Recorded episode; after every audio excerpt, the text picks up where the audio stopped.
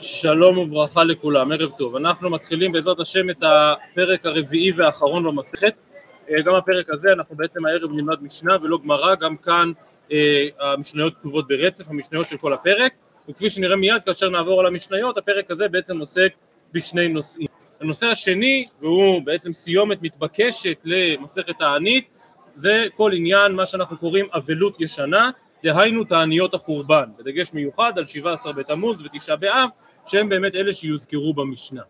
הנושא הראשון במשנה, או ממילא גם בסוגיות כאן בפרק, שאלה איזו כותרת לתת לו. הפרק פותח בשלושה פרקים בשנה כהנים נושאים את כפיהן ארבע פעמים ביום, שחרית, מוסף, מנחה ונעילת שערים, ושלושת הפרקים אני מיד מסביר זה תעניות, מעמדות ויום הכיפורים. כלומר, בעצם אנחנו פותחים פה בהלכה מסוימת מדיני תענית, דיברנו כבר בהרחבה על התפילות המיוחדות לתענית, וכאן רוצה המשנה להדגיש שיש עוד עניין מיוחד בתענית וזה נשיאת כפיים. אנחנו רגילים לזה שברכת כהנים היא רק בבוקר, רק בתפילת שחרית או שחרית ומוסף, מיוחד הוא יום התענית שבו נושאים כפיים גם בתפילת מנחה וגם בתפילת נעילה. מכוח האמירה הזאת, שזאת כאמור הלכה מסוימת בדיני תפילות התענית, העניין הזה של נשיאת כפיים, מכוח ההלכה הזאת תוסיף המשנה ותברר עניין שונה לחלוטין, היות שדיברנו על תעניות, זה אנחנו מכירים, יום הכיפורים אנחנו גם כן מכירים, אבל יש כאן גם המעמדות. ואם אתם זוכרים כבר הזכרנו את המעמדות לעיל במסכת, ראינו שהמעמדות זו הנציגות של עם ישראל, הנציגות של כלל ישראל שמלווה את הקרבת הקורבנות, ואנשי המעמד, כמו שנראה מיד במשנה, גם להם יש סוג מסוים של תענית, הם היו מתענים בחלק מן הימים, היו מתפללים תפילות מיוחדות, ואם כן הנושא הראשון של הפרק הוא בעצם כל הסוגיה הזאת של מעמדות, של הליווי הזה של הקורבן. אז כאמור אנחנו מתחילים מברכת כהנים, אבל מהר מאוד עוברים לדבר על מעמדות, זה נושא אחד. הנושא השני, כמו שהזכרתי מקודם, ענייני אבלות ישנה ותעניות החורבן. אז זה אם כן המבנה של הפרק, ועכשיו אפשר לעבור למשנתנו. ובכן אומרת המשנה, בשלושה פרקים בשנה כהנים נושאים את כפיהם ארבע פעמים ביום, שחרית, מוסף, מנחה ונעילת שערים, בתעניות, במעמדות וביום הכיפורים. למישהו יש קושייה על הדין הזה שבמשנה? משהו לא ברור? לא, אז אתה כבר קופץ, רועי קופץ לסוף, רועי אומר שביום כיפור לא נוסעים במנחה, אז מיד נגיע לזה, אבל לפחות לגבי יום כיפור, מה? בדיוק, לפחות לגבי יום כיפור, אני מבין מה כתוב במשנה, ביום כיפור כולנו זוכרים, מתפללים שחרית ומוסף, ואז מנחה, ואז נעילה. אבל בתעניות, אני מבין שמתפללים שחרית, אני מבין שמתפללים מנחה, ועכשיו אני לומד גם חידוש, שלא רק ביום כיפור, אלא בכל תענית מתפללים גם תפילת נעילה. אבל מה זה מוסף? איזה תפילת מוסף יש בתענית? הרי מוסף ותענית באופן פשוט זה זה תרתי דה סתרי, יום שמתפללים בו מוסף, כמו שבת, יום טוב, ראש חודש, זה זמן שלא אמורה להיות בו תענית. ובאמת הגמרא תברר את הנקודה הזאת עצמה, אלא שבביאור מסקנת הדברים יש מחלוקת גדולה בין הרמב"ם לבין שאר הראשונים. רוב הראשונים הבינו אין הכי נמי. הדין הזה של ארבע תפילות ביום קיים רק ביום הכיפורים. יום הכיפורים הוא דוגמה יחידאית ליום שבו אפשר להתפלל גם שחרית, גם מוסף, גם מנחה וגם נעילה. אבל זה רק ביום כיפור. משאר תעניות אין מוסף. מעמדות, אז זה יותר מורכב, כי מעמדות יש כל השנה, כולל גם בימים שיש בהם תפילת מוסף. אלא שאז צריך לשאול האם ביום שהוא יש בו מוסף, למשל ראש חודש, והוא יום של מעמדות, האם ביום כזה מתפללים נעילה או לא, ובאופן פשוט, לא. כי תפילת נעילה היא תפילה מיוחדת ליום תענית, ואיננה מתאימה, מתאימה למעמדות. אז כך באמת הבינו רוב הראשונים, שהדוגמה היחידה לארבע תפילות ביום, היא באמת יום הכיפורים, שיש בו גם מוסף וגם נעילה. כאמור הרמב"ם לא למד ככה, הרמב"ם גם בפירוש המשנה כאן לפנינו, גם פרק ו' מהלכות כלי המקדש, פוסק הרמב"ם שבכל יום של מעמדות היו מוסיפים עוד תפילה בין שחרית למנחה, ואיך קוראים לה? איך קוראים לה? מוסף. למה קוראים לה מוסף? כי היא תפילה נוספת, זו תפילה שמוסיפים על תפילות היום.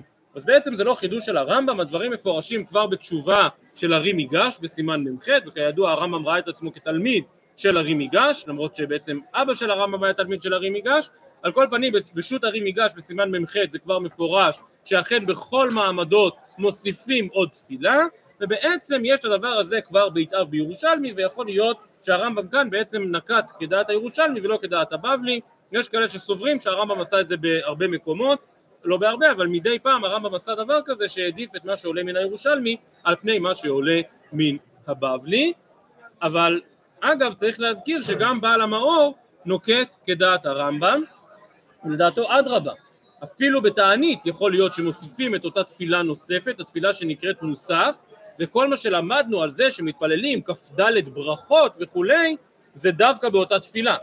כלומר שחרית מתפללים תפילה רגילה, לכל היותר מוסיפים עננו, אבל באותה תפילה שקוראים לה מוסף, דהיינו שמוסיפים אותה באופן מיוחד, על, ש... על זה מדובר על אותם כ"ד ברכות. אז כאמור, בעל המאור בסגנונו, הרמב"ם והרים ייגש בסגנונם, אבל רוב הראשונים מבינים שלא ככה. רוב הראשונים מבינים שהאפשרות להתפלל ארבע תפילות ביום אחד קיימת רק ביום הכיפור.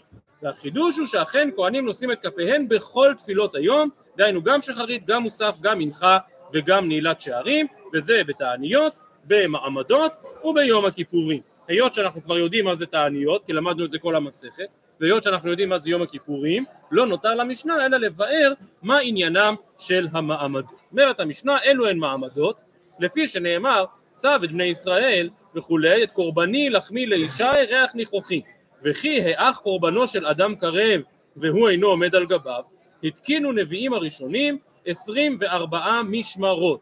משמרות מדבר על משמרות הכהונה, התקינו הנביאים הראשונים לחלק את משמרות הכהנים, את משפחות הכהנים ל-24 משמרות, הגמרא עוד תחזור לנקודה הזאת וגם דיברנו על זה בהרחבה מי שזוכר בסוף מסכת סוכה, על זה שיש מחלוקת בין הראשונים לגבי כל העניין הזה של חלוקה למשמרות, האם זה דין דאורייתא, דין דרבנן, הלכה למשה מסיני וכולי, עוד נזכיר את זה בקצרה בימים הבאים, על כל פנים ברגע שחילקו את המשמרות ל-24 משמרות, החידוש הוא שעל כל משמר ומשמר היה מעמד בירושלים של כהנים, של לוויים ושל ישראלים. כלומר, מגיע אותו משמר של כהנים לעבוד במקדש, ויחד עם המשמר אנחנו מוסיפים, ואין ספק שכאן יש חידוש מאוד מעניין, כי בדרך כלל אנחנו תופסים את קורבנות הציבור, כאן מדובר כמובן על קורבן התמיד, צו את בני ישראל ואמרת עליהם את קורבני לחמי לישי ריח ניחוחי, אז על מי מוטלת מצוות התמיד? על מי מוטלת החובה? באופן פשוט החובה מוטלת על הכהנים, הכהנים הם אלה שצריכים להקריב בכל יום קורבן התמיד, אבל מי שיפתח ברמב"ם יראה שהרמב"ם באמת סבור על מי מוטלת מצוות התמיד? על עם ישראל. זו מצווה לאומית, זו מצווה שמוטלת על העם. אגב, ברמב"ם גם מדויק, למשל שהרמב"ם מביא את מצוות הקטורת שבכל יום, אז הרמב"ם אומר שנצטוו הכהנים. לעניין קורבן התמיד אומר הרמב"ם שנצטוו ישראל, לעניין הקטורת אומר הרמב"ם שנצטוו הכהנים. כלומר יש משהו מיוחד בקורבן התמיד שהוא אכן מצווה שמוטלת על כלל ישראל, שמוטלת על עם ישראל. ועדיין אפשר היה להבין שהמצווה אולי מוטלת על העם, אבל מי שמבצע אותה עבור העם זה הכהנים. ובאה המשנה שלנו ומחדשת, לא, זה לא מספיק. האח קורבנו של אדם קרב והוא אינו עומד על גביו. וכדי שממש זה נחשב שיש עומדים על גביו, אז יש נציגות מכלל האומה, כולל לוויים, כולל ישראלים, שהם חלק מן העניין. רש"י כאן מזכיר, מהיכן רוכשים את קורבן התמיד, מה מקורות המימון של קורבן התמיד? מחצית השקל כמובן, תרומת הלשכה, כלומר כל אחד ממש כביכול קונה חלק בקורבן התמיד. מצד שני האם זה נכון לומר שהאם הביטוי שהשתמשתי בו הוא מדויק? שלכל מי ששילם מחצית השקל ממש קנה חלק בקורבן? לא, זה לא נכון. כי הקורבן הזה הוא קורבן ציבור. אבל שוב אני חוזר ואומר שאפשר, הרבה פעמים נוטים להבין שמשהו כזה שהוא שייך לציבור או שהוא ממון ציבור אז זה איזה משהו ארטילאי כזה, זה משהו קצת מופשט, זה מין חוסר בעלות. ובאה המשנה שלנו ואומרת מה פתאום זה לא חוסר בעלות, זו בעלות של הציבור ולכן קורבנו של אדם לא יכול להיות קרב כשהוא אינו עומד על גביו והקורבן הזה הוא קורבן של הציבור ולכן הציבור צריך להיות עומד על גביו. כותב תוספות הראש כאן, זה לא מופיע בתוספות לפנינו אלא בתוספות הראש, תמיהה לי, כיוון שהמעמד אינו אלא שליחות כל ישראל שיעמדו על קורבנם, עמי לא יהיו הכהנים מקריבים קורבן והלוויים יהיו שלוחי ישראל. כלומר אומר הראש סוף כל סוף ישראל לא יכולים להקריב קורבנות ברור שבסופו של דבר הכהנים הם שלוחי דידן להקריב עבורנו את הקורבנות. ולכן, מה פשר העניין הזה? עונה הראש, ושמא, כיוון דכל שבט ושבט יקרי קהל כדאיתא בהוריות, צריך שיהיה מכל שבט ושבט. כלומר המעמדות במידה מסוימת מבטאים את הגיוון בחברה הישראלית. מבטאים את העובדה שכולנו חלק מן הקורבן הזה. נכון, רק הכהנים מקריבים, אבל אנחנו לא מוכנים להסתפק בשליחות הזאת שהכהנים עושים את שליחותנו, ולכן אנחנו מבקשים ממש מכל העם לבוא להתאחד ולהתלכד סביב הקרבה אחת, וזה המשמעות של אנשי המעמד. והם ממש שלוחיהם של כל ישראל. וגם הרמב"ם שם בהלכות כלי המקדש בפרק ו' מדגיש ויהיו שלוחי כל ישראל לעמוד על הקורבנות והם נקראים אנשי המעמד, כלומר גם הרמב"ם משתמש בביטוי הזה של שלוחים. ואגב, ובזה אני אסיים רק את העניין הזה, כמו שהזכרתי כבר פעמיים, הרמב"ם הוא בפרק ו' מהלכות כלי המקדש. מישהו זוכר מה הכותרת המדויקת של הלכות כלי המקדש? מה? לא הכהנים אלא? יפה מאוד. הרמב"ם כינה את קובץ ההלכות הזה הלכות כלי המקדש והעובדים בו. ובאמת הרמב"ם מקדיש פרק לכהנים, ואחר כך מקדיש פרק ללוויים, ואחר כך בפרק ו' מקדיש פרק ל... לאנשי המעמד. כלומר הרמב"ם ממש רואה את אנשי המעמד כחלק מן הכותרת הזאת של העובדים בו. חלילה, אנשי המעמד לא יכולים לעבוד במקדש. זר לא יכול לקרב אל הקודש. ובכל זאת הם חלק מכלי המקדש והעובדים. זו המשמעות של העניין הזה שנקרא מעמדות, ומיד נזכיר עוד נפקמינה אחת לעניין הזה. יפה, אז זה בעצם עניינם של המעמדות. מה תכלס הם צריכים לעשות? למה הם נדרשים לעשות? אני חוזר למשנה, אומרת המשנה, הגיע הזמן המשמר לעלות, כהנים ולוויים עולים לירושלים, וכמובן שגם אנשי המעמד חלקם עולים יחד איתם, וישראל שבאותו משמר מתכנסים לעריהם וקוראים במעשה בראשית. כלומר המעמדות עצמם מחולקים לשני חלקים, יש אלה שמגיעים ממש לירושלים ויש את כאלה שהם לא מגיעים לירושלים אלא נשארים כל אחד בעירו אבל הם יודעים שזו התורנות שלנו, תורנות שלנו להתפלל, לייצג את כלל ישראל, להתחנן שהקורבן הלאומי באמת יתקבל לרצון. ואנשי המעמד היו מתענים ארבעה ימים בשבוע מיום שני ועד יום חמישי ולא היו מתענים ערב שבת מפני כבוד השבת ולא באחד בשבת כדי שלא יצאו ממנוחה ועונג ליגיעה ותענית וימותו. להתענות ביום ראשון אחרי עודף אכילה בשבת זה לא בטיחותי ולכן אנשי המעמד באמת היו מתענים לאורך השבוע אבל לא ביום ראשון ולא ביום שישי. מה עוד מיוחד בטקס הזה של המעמדות? קריאת התורה. ואיזו קריאת התורה הם היו קוראים? לא פחות ולא יותר, פרשת בראשית. ביום הראשון אה, וקוראים למעשה בראשית. ביום הראשון בראשית ויהי רקיע, כלומר את היום הראשון ואת היום השני. בשני רקיע ייקבעו המים, בשלישי ייקבעו המים ויהיו מאורות, ברביעי יהיו מאורות ישרצו המים, בחמישי ישרצו המים ותוצא הארץ, בשישי ותוצא הארץ ויחולו השמיים. ויחולו השמיים זה כמובן ההתחלה של פרק ב', אנחנו רגילים למשל בשמחת תורה שאכן קוראים את כל פרק א' וגם את פסוקי ויחולו השמיים, וכך באמת היו קוראים במעמדות. כל יום היו קוראים את אותו יום ואת היום שלמחרת פרשה גדולה קוראים אותה בשניים והקטנה ביחיד. למה קוראים כל יום שני ימים ולא את אותו יום? כדי שאפשר יהיה להעלות שלושה קרואים, שלושה עולים, שיוכלו לקרוא את אותה הפרשייה. בסדר. אז אם כן, זו קריאת התורה המיוחדת, נגיע לגמרא והגמרא תסביר למה בחרו דווקא את הקריאה של מעשה בראשית כדי ללמד שבעצם כל העולם כולו קיים רק בזכות עבודת המקדש. בשחרית, סליחה, אז כל הקריאת התורה הזאת היא בשחרית ובמוסף, וזה מאוד מעניין שמשמע שהם היו קוראים פעמיים, פעמיים היו קוראים בתורה, על כל פנים ובמנחה נכנסים וקוראים על פיהם כקוראים את שמע, כלומר פסוקי פרשת בראשית כל כך משמעותיים לעניין המעמדות שצריך להזכיר אותם גם במנחה, במנחה אין קריאת התורה אבל אומרים בעל פה כמו קריאת שמע עוד פעם את פסוקי פרשת בראשית ששייכים לאותו היום ערב שבת במנחה לא היו נכנסים מפני כבוד השבת. ממשיכה המשנה ואומר כל יום שיש בו הלל אין מעמד בשחרית קורבן מוסף אין מעמד בנעילה קורבן עצים אין מעמד במנחה דברי רבי עקיבא. אמר לו בן עזאי, כך היה רבי יהושע שונה, שיום שהוא קורבן מוסף אז לא אומרים מעמד במנחה, ויום שהוא קורבן עצים אין בו מעמד בנעילה, חזר רבי עקיבא להיות שונה כבן עזאי. אז מיד המשנה תסביר מהו בדיוק אותו קורבן עצים, אבל לפני כן, מה בעצם המשנה כאן מחדשת? המשנה מחדשת שהמעמדות המיוחדים, שהם א', קריאת התורה, אבל יותר מזה, כמו שהזכרנו מקודם, זו תפילה ותחינה שיתקבל קורבנם ברצון, ואת הדבר הזה לא אומרים ביום שיש בו הלל, בשחרית, או ביום שיש בו מוסף. למה? אז אנחנו היינו אומרים באופן אינטואיטיבי, מה זה מזכיר לנו?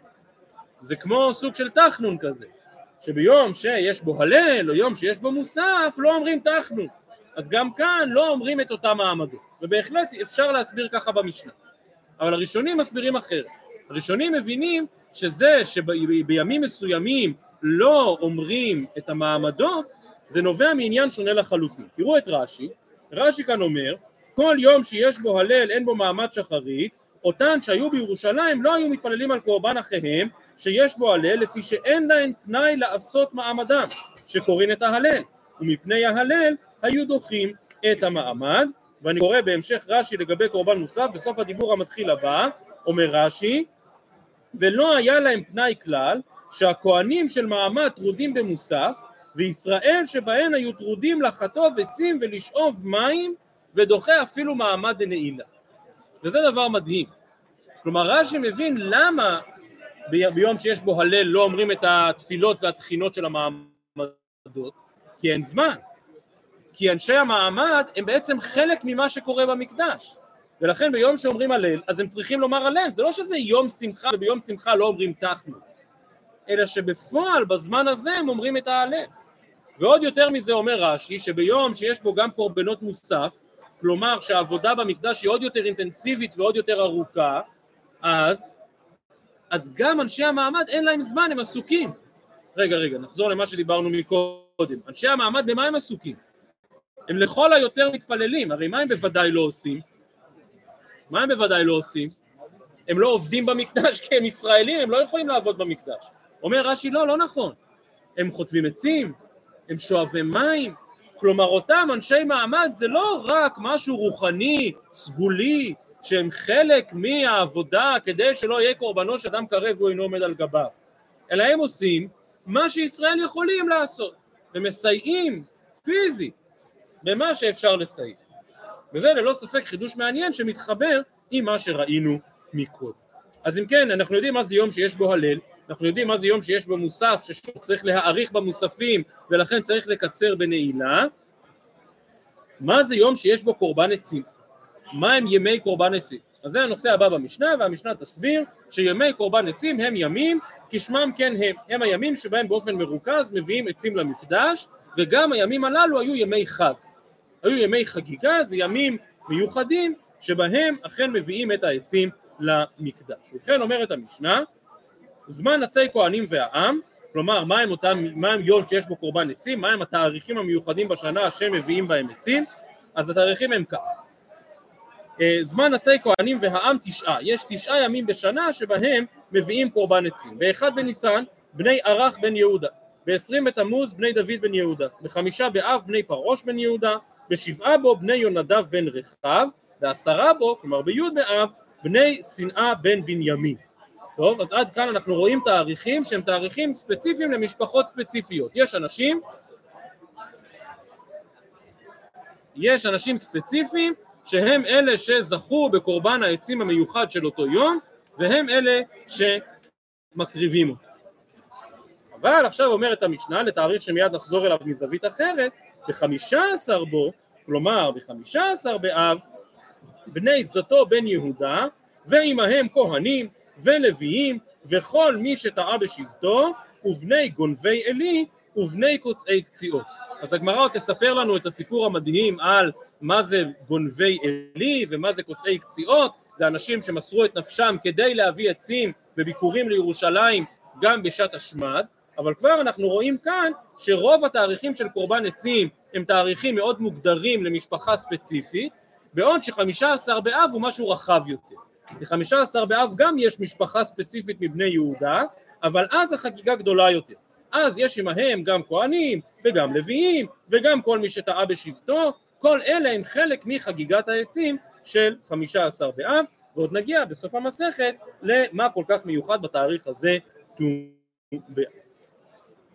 ב-20 בו, כלומר בכ' באב, בני פחת מואב בן יהודה, ב-20 באלול בני עדין בן יהודה, ב-1 בטבת שבו בני פרעוש שנייה.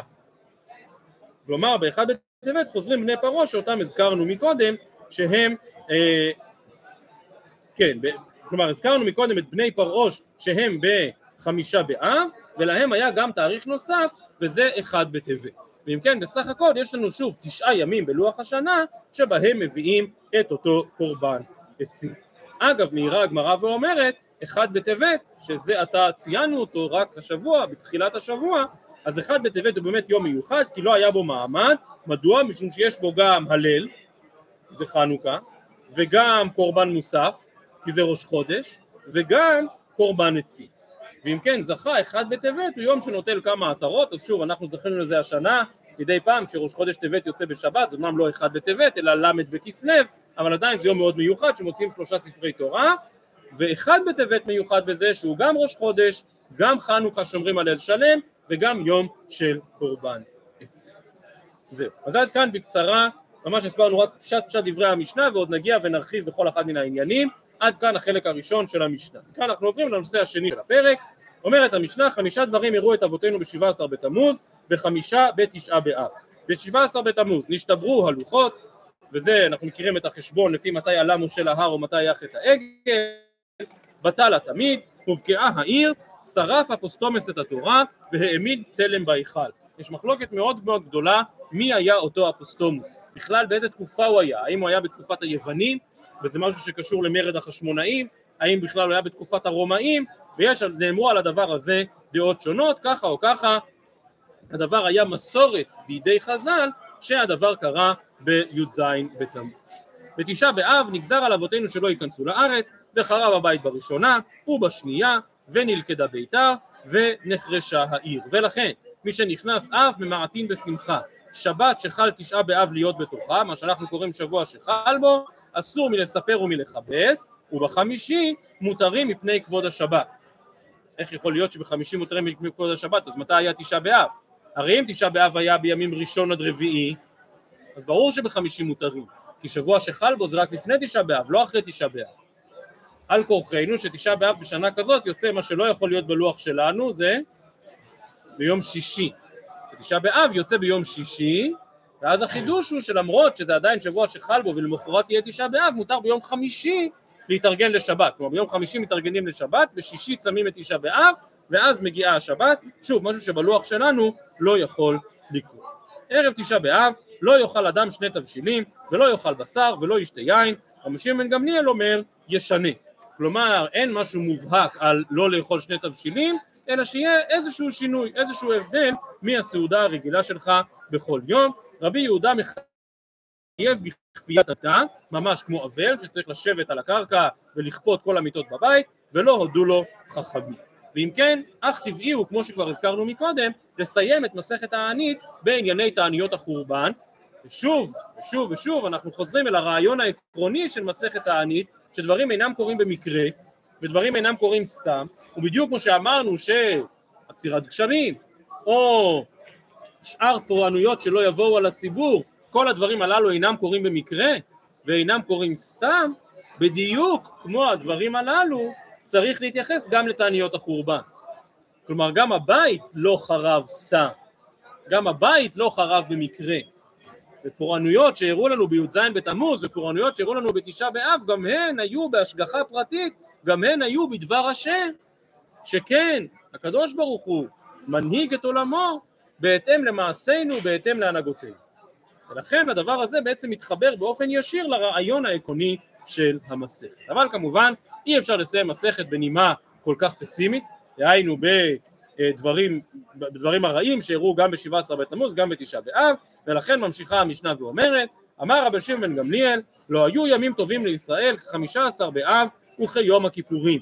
אז כמו שהזכרתי מקודם, הגמרא תאמר, יום הכיפורים מובן שזה קץ מחילה וסליחה, מה כל כך מיוחד בחמישה עשר באב, ואנחנו נראה כמובן, ובזה ממש נסיים את המסכת, נראה את הנימוקים השונים ואת המעלות השונות שזכה לו יום ט"ו באב, נגיע לזה בגמרא.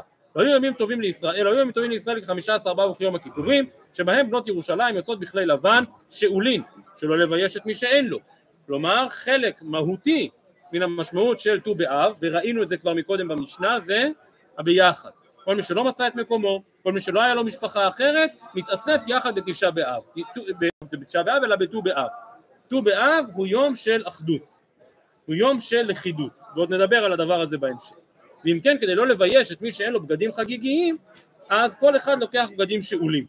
ויש שווה לכולם, אבל בגלל שכל אחת שואלת מחברתה כלים, אז כל הכלים טעונים טבילה. שוב, אתה לא רוצה לדקדק, הוא מקפיד הנה טומאה וטהרה, לא מקפיד, מטבילים את כל הכלים, וככה אין ספק. ובנות ירושלים יוצאות וחולות בכרמים. ומה היו אומרות? בחור, שנא עיניך וראה, מה אתה עורר לך? אל תיתן עיניך בנוי, תן עיניך במשפחה. שקר החן והבל היופי, אישה יראת השם היא תתעלל, ואומר תנו לה מפרי ידיה ואללוה בשערים מעשיה, וכן הוא אומר צאנה הורנה בנות ציון במלך שבמו, מעטרה שיתרה לו עמו ביום חתונתו וביום שמחת ליבו.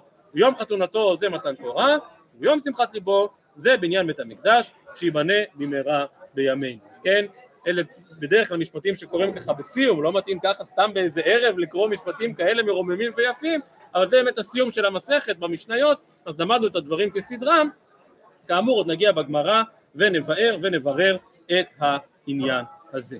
נשארו לנו שתי דקות, אז נספיק רק את הנקודה הראשונה בגמרא שחוזרת למחלוקת הרמב"ם ושאר הראשונים שהזכרנו קודם. אומרת הגמרא בשלושה פרקים בשנה כהנים נושאים את כפיהם וכולי. תעניות ומעמדות מאיכא מוסף? איפה מצאנו תענית שמתפללים בתפילת מוסף? הרי ימים שמתפללים מוסף אין בהם תעניות. אומרת הגמרא חסורי מחסרי ואחי קטני.